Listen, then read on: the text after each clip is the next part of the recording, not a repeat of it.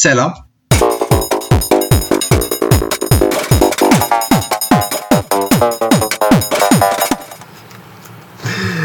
Evet. Tekrardan bu inanılmaz intro ile birlikteyiz.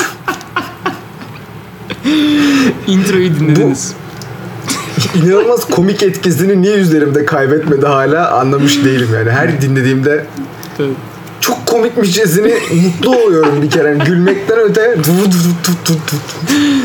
Evet.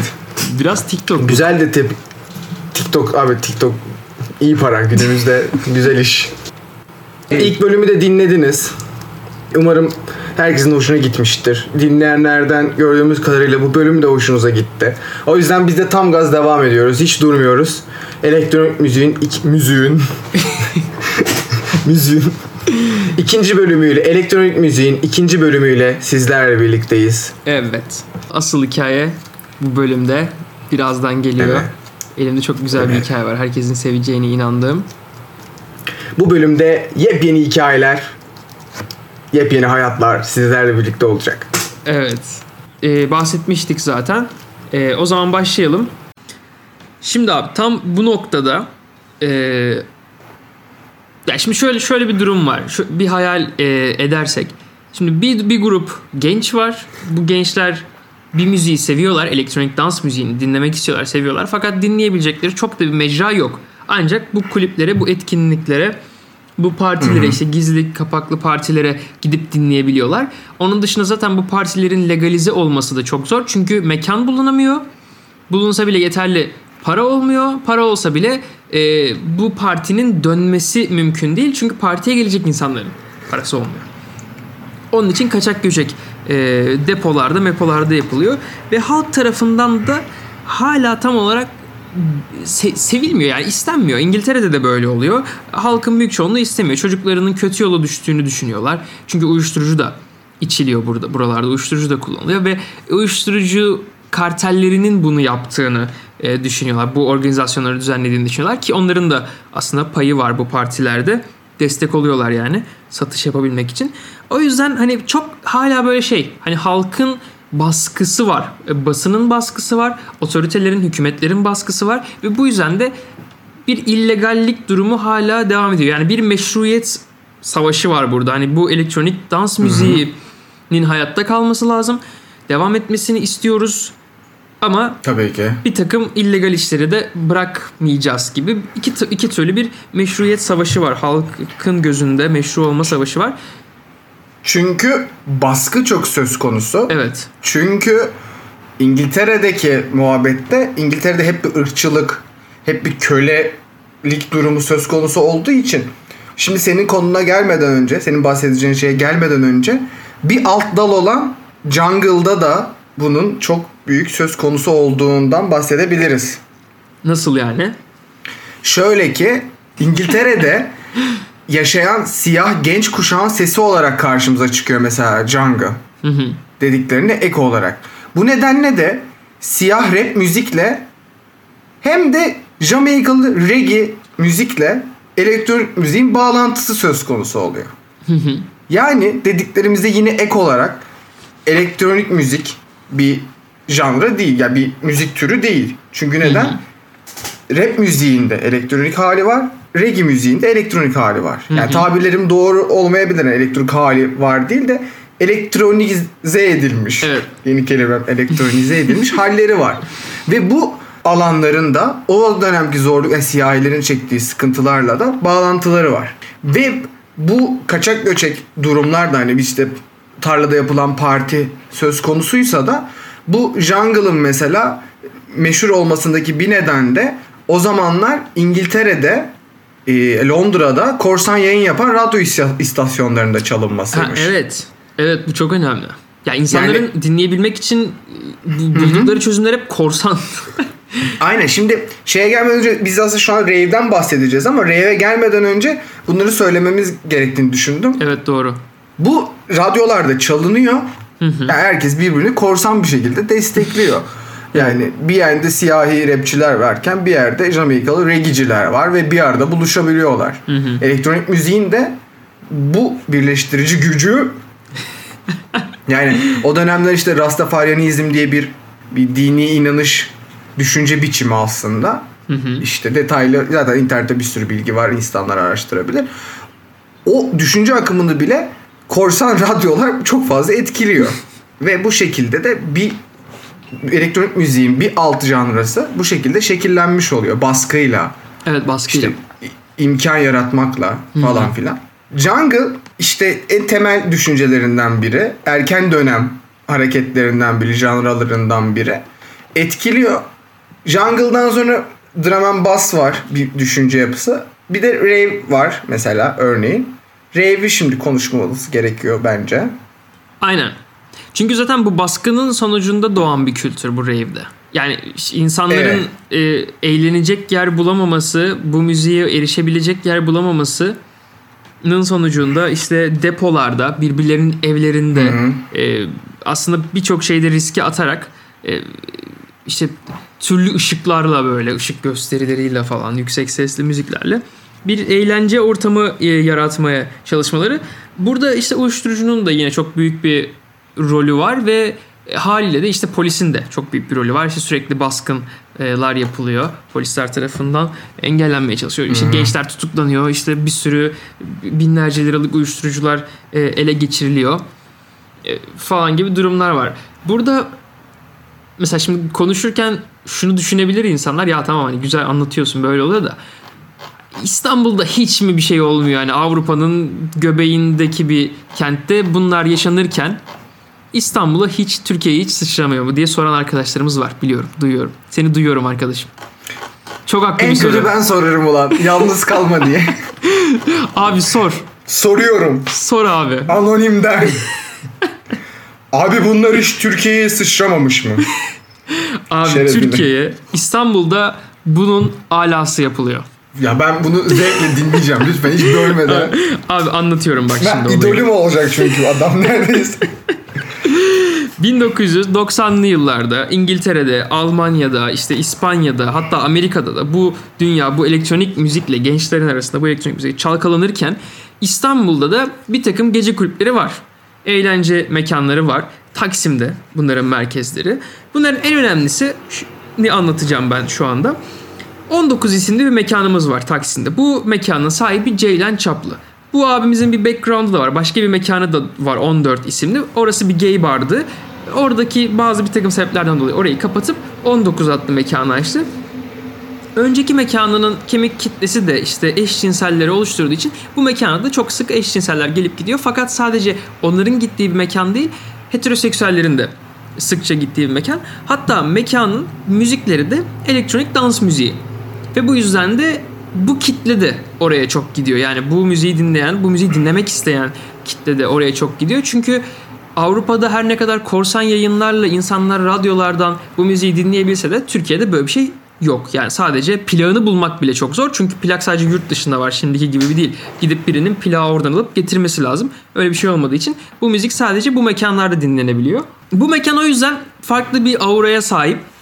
E, müzikleriyle Mehmet Cavcı isimli abimiz ilgileniyor ve o da elektronik dans müziği çalınmasını istiyor. Bu yüzden işte DJ'lere çok sık Türk DJ'lere de yabancı DJ'lere de çok şans veriliyor burada ve yurt dışında da e, bir şey oluşturuyor yani bağlantılar oluşturuyor ve oradan plak falan getirtiliyor bu, bu, bu mekanda çalınmak için ve bu da insanların çok hoşuna gidiyor. Belli başlı kuralları olan bir mekan. Çok fazla ünlü celebrity isimlerin de tercih ettiği bir mekan ama e, işte mesela takım elbiseyle geliyorsa alınmıyor.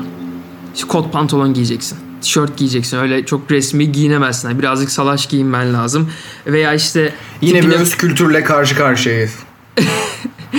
işte orada böyle bir, bir takım işte seçicilik de var. O yüzden içerideki kitle de güzel. İnsanlar da mutlu orada bulunmaktan. Bazen işte eşcinsellerle heteroseksüeller arasında ufak tefek kavgalar çıksa da genel olarak orada bulunmaktan mutlu insanlar.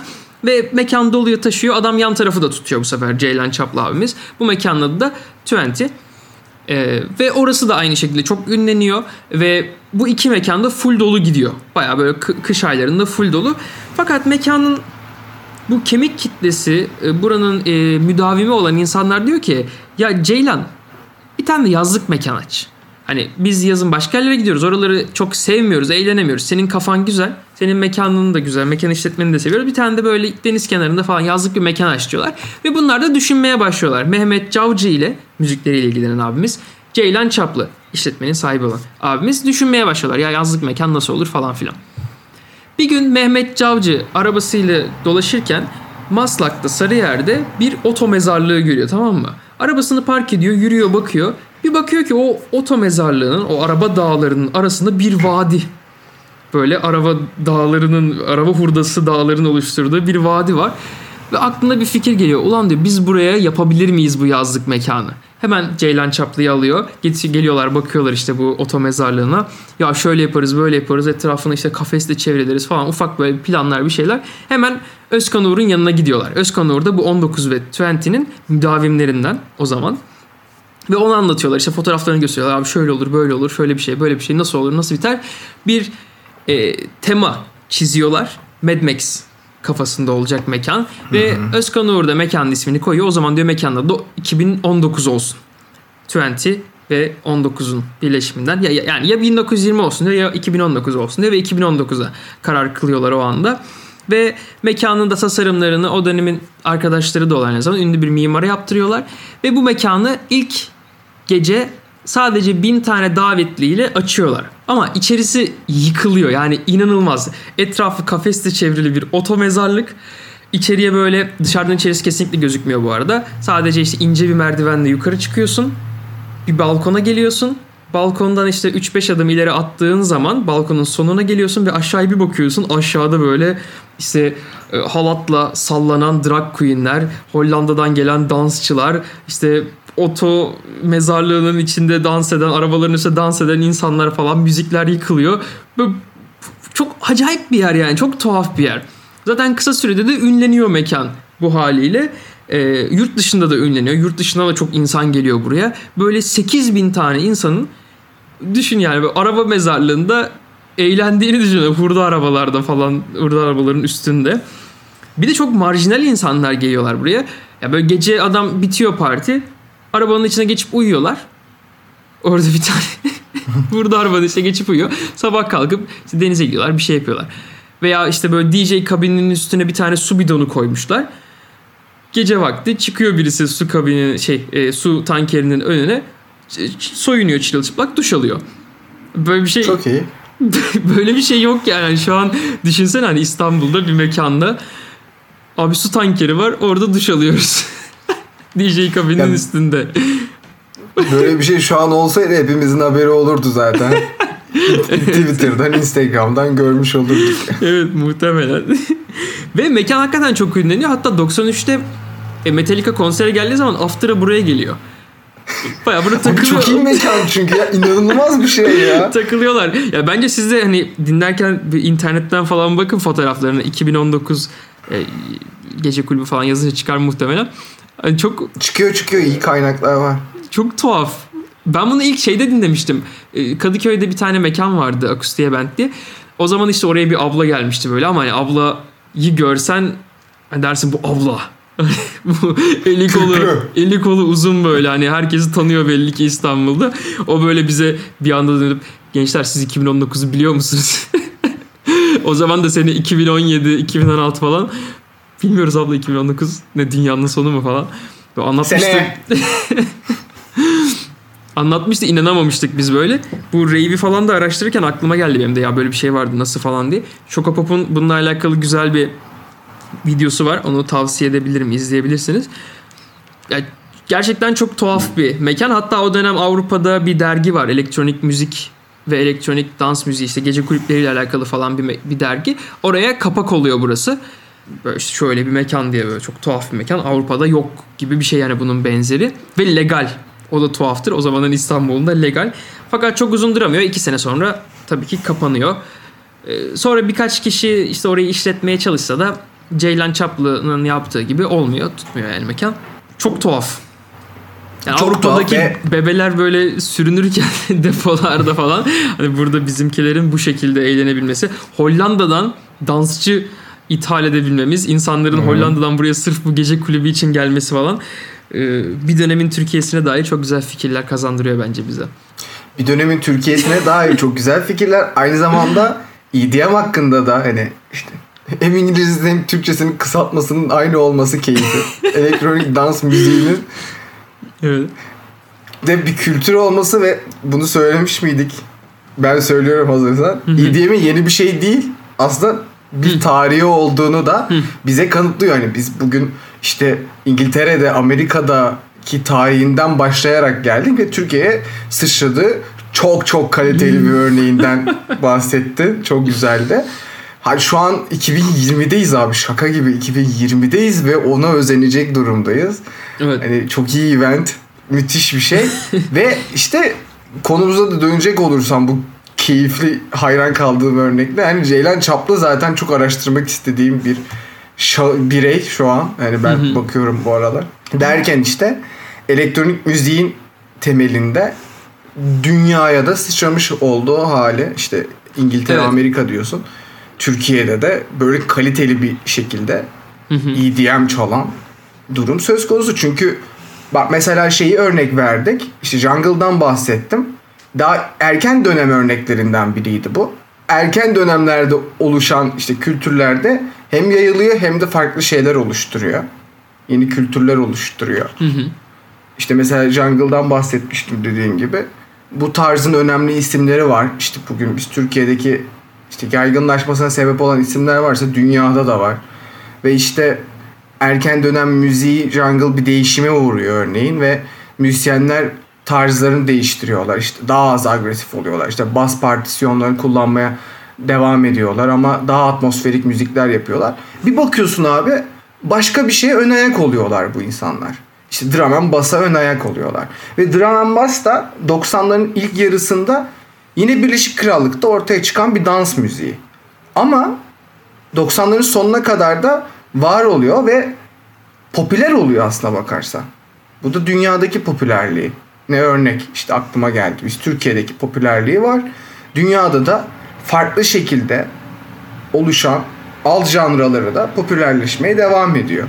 Yani müzik abi sonuçta bu yani. Elektronik olmuş, elektronik ortamda yapılmış bir müzik ve hani zibilyon tane aslında alt çeşidi ve kültürü ve hissiyatı var bu işin. Ve çok fazla kültürlü olması da bir müziğin yani müzik türü değil dedik ama çok fazla kültür içeriyor olması da hep böyle yenilikleşmeye açık olması demek. Çok fazla kültürün bir araya gelmiş olması demek. Ve onlar bir araya geldikçe hep yeni şeyler doğuyor. Hep yeni şeyler doğuyor. Hep yeni güzellikler doğuyor. Yani anlattığım bu mekan hikayesinden sonra bile hala bunları algılayabiliyoruz yani. Bu mekanın oluşması ya inanılmaz bir kültür. Yani Türkiye'nin müzik tarihi için, mekan tarihi için bahsedebileceğimiz şey, dünyanın müzik tarihi için bahsedebileceğimiz şey. Hani bugün programın mentalitesi üstüne de yani iyi ki yapıyormuşuz, iyi ki bunu araştırıyoruz, öğreniyoruz, anlatıyoruz. Yani yeni kültürler, değişik kafalar. Çok acayip. Evet. Çok güzel bir iş ve 2000'ler. Evet. Yani Diyebilir miyiz 90'lar artık? 90'lar e, bu şekilde böyle Avrupa için daha böyle illegal işte kaçak göçek devam ederken bunun tabi basının ve toplumun baskısı da bu duruma bu olaylara giderek artıyor. Bu yüzden de artık hani bu şekilde yapılamayacağını hani artık bu işi legalize etmek gerektiğinin e, farkına varıyorlar ve legal gece kulüpleri açılıyor ve burada DJ'ler de artık çok rahatlıkla sahne al- alabiliyorlar. Bir de DJ'in konumu da değişiyor buradaki. DJ önceden köşede işte üstte, sağda, solda böyle kapalı, gizli, çok da göz önünde olmayan bir konumda çalıyorken artık sahnenin ortasında herkesin görebileceği ve DJ'in de herkesi görebileceği ve yönetebileceği bir noktada e, sahneye çıkmaya başlıyor. Ya aslında bu elektronik dans müziğini bir ritüel gibi düşünürsek yani insanların bilinçlerinden bağımsız olarak kendilerini tamamen akışa bıraktıkları bir an olarak düşünürsek DJ burada biraz daha böyle şaman gibi bir konuma geliyor. Yani insanlar orada tamamen yönetiyor falan böyle. Ee, Ve burada bu saatten sonra artık DJ'leri de biraz daha rockstar gibi pazarlamaya başlıyorlar mekan sahipleri. İşte şu DJ çıkıyor. İşte DJ faça yapmış kendine böyle bir şeyler yapmış falan böyle şekil şukullu karizmatik bir abimiz. Şu DJ geliyor, bu DJ geliyor, şu DJ'in biletleri bitti falan gibi. Biraz da orada pazarlama da işin içine giriyor ve artık U2 gibi bir grubun da ön grubu dünya turnesinde ön grubu bir DJ olunca ve o kitle YouTube'un kitlesi de bu DJ ile eğlenebilince eğlenebilmeye başlayınca e, elektronik dans müziğine dair bir kırılma noktası, bir ş- şey noktası oluyor bu olay. E, ge- geçiş noktası yani önemli bir Geçiş noktası. önemli bir geçiş noktası oluyor. Çünkü e, DJ'in sadece işte belli bir takım orada tuşlarla müzik yapması değil insanları eğlendirebilen bir şey olduğu anlaşılıyor büyük kitleler tarafından da. Adam Wembley'de konser veriyor böyle bir şey ilk defa oluyor yani bir DJ Wembley'de konser vermesi çok büyük bir şey ve başarılı da oluyor. Yani Avrupa kısmı için e, bunu söyleyebiliriz. Fakat Amerika için hala bu olaylar çok da aşılabilmiş değil 2000'lerin başında. Çünkü e, mekanlar her ne kadar legal hale gelmeye başlasa da ortada e, iyice yani e, yayılmaya başlasa da polis bu işin çok da peşini bırakmıyor yani. Mekan sahiplerini uyuşturucu evi işletmekten falan içeri almak istiyor. 20 yıl hapis cezasına çarptırmak istiyorlar. E, bu suçlamalardan beraat etseler de bu sefer uyuşturucu satışına göz yummak bile isteye göz yummak suçundan cezalandırmak istiyorlar. Fakat o dönemde de 11 Eylül olayları patlak veriyor ve zaten sektör kendiliğinden %50'ye kadar belki de daha fazla küçülmeye e, gitmek zorunda kalıyor. İnsanlar artık partilere gitmiyorlar, gece kulüplerine gitmiyorlar. E zaten para da yok. E, çok ciddi bir sektör zorluğa giriyor. Sadece gece kulübü ve eğlence sektörü değil aslında müzik sektörü de aynı şekilde bu dönemde Amerika için bir zorluğa giriyor. Fakat bundan zaten yeni yeni çıkmaya çalışan EDM de çok büyük payını alıyor. Ee, ama bu noktada şöyle bir şey var. İnternetin devreye girmesiyle artık insanlar müziğe ulaşabiliyor. Sadece bu müziğe değil her türlü müziğe ulaşabiliyor. Bu çok önemli bir şey. Çünkü önceden müzik dinleyebilmek için birine bağımlıydın. Bir şeye bağımlıydın. Evet. Yani o plağa, o CD'ye gidip ona ulaşmak için yola yani İstanbul'da di- dinleyemiyorsun mesela gidip alman lazım o CD'leri o plakları ki bu mekanların özelliği o müziği getiriyor adam E, Hollanda'dan İngiltere'den İstanbul'daki mekanların özelliği. Bu Amerika için de geçerli İngiltere için de geçerli aslında. Fakat internetin çıkmasıyla işte bu Napster'ların, LimeWire'ların çıkmasıyla insanlar artık müzik indiriyor internetten ve müzik her yerde oluyor. Ve bu müziği seviyorlar da. Ya elektronik müzik ulaştığı zaman ulaştığı kişiyi yakalayabiliyor kolayca ve kendi işine dahil edebiliyor ve bu Avrupa'daki DJ'lerin de bir Amerika çıkartması sonucunda öyle bir şey oluyor çünkü. Hakikaten böyle bir pek çok e, Avrupalı DJ Amerika'ya gidiyor ki bizim aslında tanıdığımız DJ'lerin çoğu Avrupalı. Mesela Martin Garrix Ho- Hollandalı, Avicii, Hollandalı ya. İsveçli, Tiesto, Avici kalp abi. Adamcağız vefat etti. Allah rahmet Evet. eylesin. ben çok seviyorum o adamı. Neyse. Tiesto. Rus mesela. Rus. Calvin Evet, Harris'in Tüm dünyaya seslenebilen belki de. evet. İl, o çok kalabalık konseri. Evet. Calvin Harris İngiliz. Yani Tiesto dediğin gibi yani çok önemli burada. 2004 yılında Yunanistan Olimpiyatlarında DJ olarak e, sahne alıyor ve bir şeyi var işte kafamı bir Kravatlı kaldırdım. abileri. Aynen kafamı bir kaldırdım. Kravatlı abiler elini yumruk yapıp böyle zıplıyorlardı müzik eşliğinde diye. O çok o da mesela ikinci kırılma anı aslında bu müzik için. Çünkü e, artık o kravatlı abiler bile bu müziğin zararsız dinlenebilir ve keyifli olduğunun e, farkına varıyorlar. E, ve bu saatten sonra da aslında e, ana akım olmaya başlıyor diyebiliriz. Tüm o zorlu süreçlere rağmen.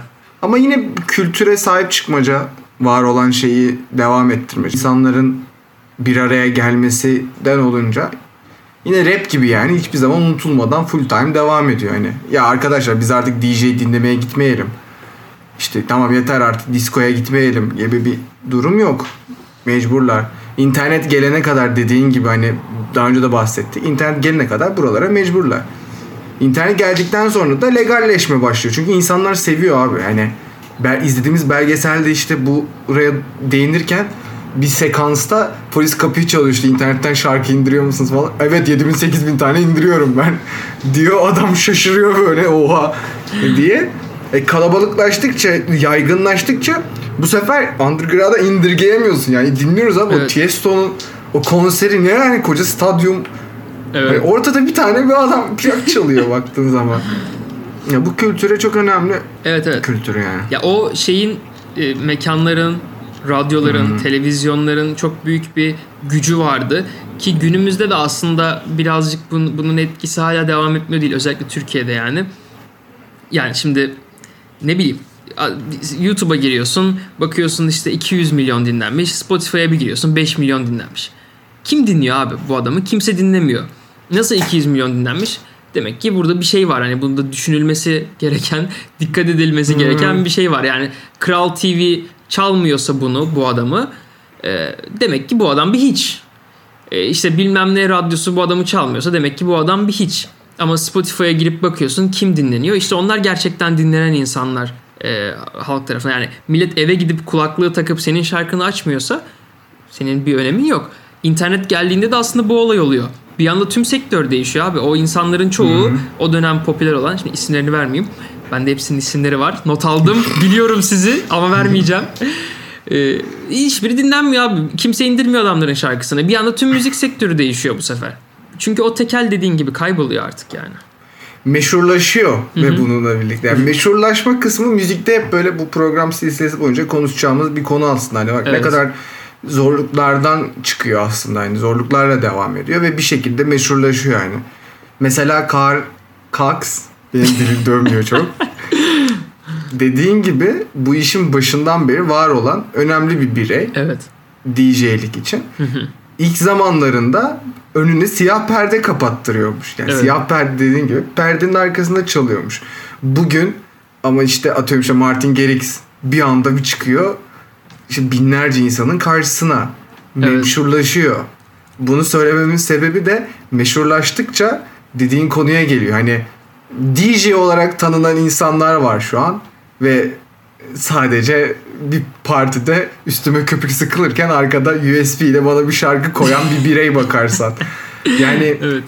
DJ demek müzik bilen işte senin daha kibarca anlattığın şekilde bir iş, elektronik hale gelmiş bir iş. DJ demek bazı sosyal medyadaki işsizlere iş tanımı olarak verilecek bir konu değil açıkçası. Hı hı. Meşhurlaşmadaki sakınca da buradan gerçekleşiyor işte. Adam bir şekilde meşhur oluyor. Dediğin gibi işte YouTube'da bir şekilde dinleniyor. Bu adam kim? Bu adam sonra bir anda birilerine müzik çalmaya başlıyor. Ama nerelerden ne şekilde oluşan bir müzik türü, bir kültür. Sen diyorsun ki ben DJ'yim, USB'de şarkı çalıyorum. Ya benim umurumda değilsin. Herkes seni dinliyor olabilir. Partilerine çok yüksek meblağlar ödeyip girebilirler. Ama işte buradaki sanatçılık sen ne at olması yönünde de işte bir takım araştırmaların yapılıyor olması birazcık bilinçli olmak gerekiyor. Çünkü ne noktaları ne savaşları var bu kültürlerin, bu müzik kültürlerinin. Her bahsettiğin şeyin altından farklı bir sakınca, farklı bir sıkıntı, farklı bir kavram, farklı bir mantık çıkmış oluyor. Bu konuya da değinmek istedim. Evet. Yo doğru abi ya USB DJ'liği yapıp da ya bunu tabii o insanlar daha çok batıyordur o insanlar. Yani o insanlar daha çok rahatsız oluyordur bundan. Gerçekten DJ'lik yapan insanlar. Şimdi biz burada bizim üstümüze bile düşmez bunu söylemek belki ama hani çok saçma bir şey. Bir yandan da işte pazarlamanın şeyi e, evet. hikmeti yani tamamen. Şeyle aynı şey mesela eskiden e, insanlar mesela Ceylan Çaplı'dan bahsettik. 14 diye bir mekanı var demiştim. Gay bar demiştim orası. Hı hı. Mekanın müdavimi kim abi? Zeki Müren. Zeki Müren.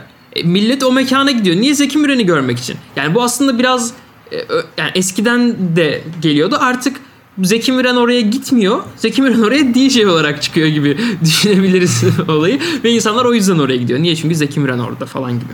Veya işte yeni isimler kimse artık. Ki Zeki Müren evet. değerli bir sanatçı ama. Yani o, Zeki Müren'i görmeye giderim. Anladın? Evet. Yani çünkü bir işi var anladın. Yani Zeki Müren çok önemli bir değer, çok önemli bir sanatçı ve onu biz tanıyoruz, oraya gidiyoruz ama yani, tabii tabii evet, doğru. İsim de vermedim çok keyifli.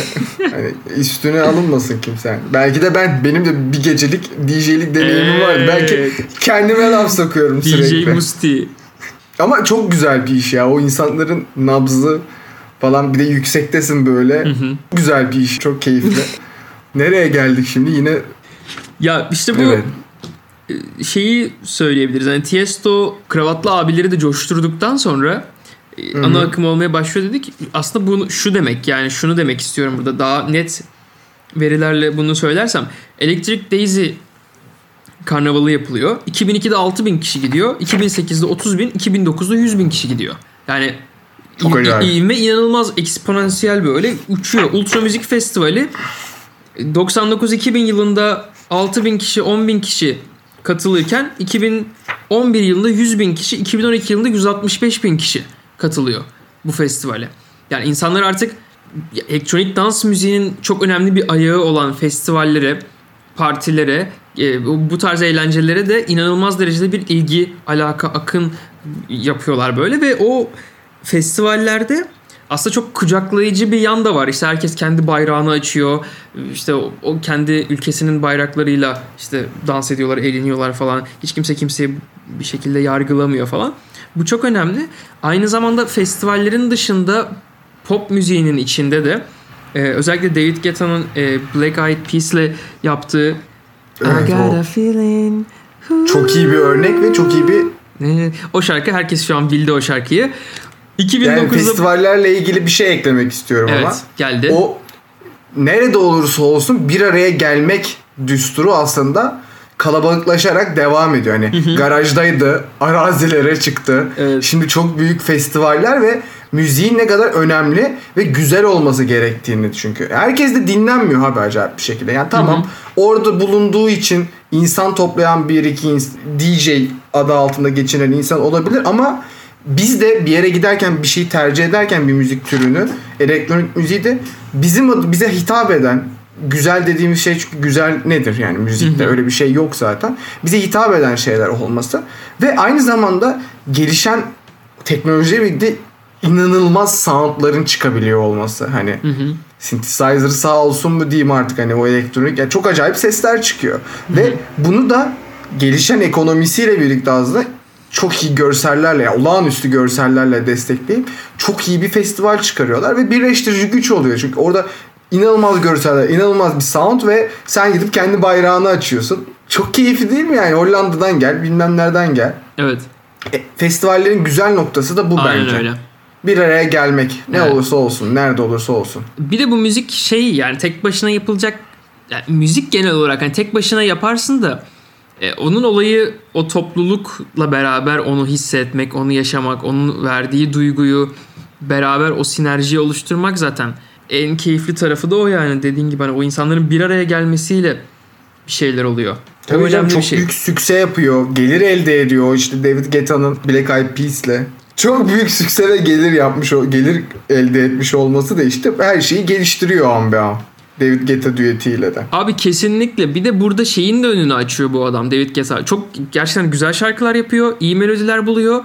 Ee, elektronik dans müziğinin içerisinde tüm bunları yaparken işte bu tarz düette de hani daha ünlü ünlü bir hale getirebilmesi, pazarlamayı kolaylaştırabilmesi falan filan insanları yeni müzikler keşfetmeye itiyor. Ya sonuçta David Guetta'nın bu şarkıdan öncesi var yani bir 10 20 senesi 20 sene öncesi var. Belki girip David Guetta'nın şarkılarına bakıyorlar. Belki David Guetta'yı araştırırken başka e, elektronik müzikçileri buluyorlar ve onları dinliyorlar. Yani insanlar tonla yeni müzik keşfediyorlar aslında bu sayede. Bir de kulakları da artık senelerde yavaş yavaş alışmaya başlamış olmasının da sonucu olarak iyice bu müziği benimseyebiliyorlar kolaylıkla. Hani garipsemiyorlar. E, onun üstüne zaten e, bir sürü insan popçularla düet yapmaya başlıyorlar. Hele ki 2013 yılında Martin Garrix kardeşimiz, bu arada kendisi bizden 2 yaş büyük, ağlayabiliriz. Bu kardeşimiz Animals şarkısını da çıkarınca, bu şarkı da inanılmaz patlayınca artık tamamen yani evet bu müzik bizimdir diyor tüm insanlık ve dinliyorlar. Yani her popçu artık albümünü yaparken iki tane elektronik dans müziği şarkısı istiyor. Veya işte bunu single olarak Evet, çok zaten örnekleri var. A- Aynen.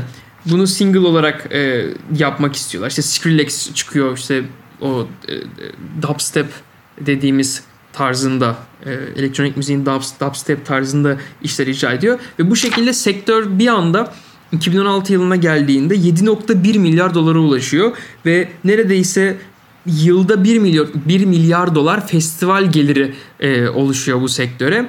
Bu inanılmaz bir şey. Hani o rave'lerden bahsediyoruz. İşte kaçak göçek parti yapıyordu millet diyoruz. Bu müziği dinlemek için eziyet çekiyordu diyoruz. Ve şimdi e, 7.1 milyar dolar. e, Ultra Müzik Festivali diyoruz. Bir günde 165 bin kişiyi ağırlayabiliyor. Ki bunu iki gün yapsa, üç gün yapsa bunların üç katı kadar insan gidecek. E, bu çok önemli bir şey.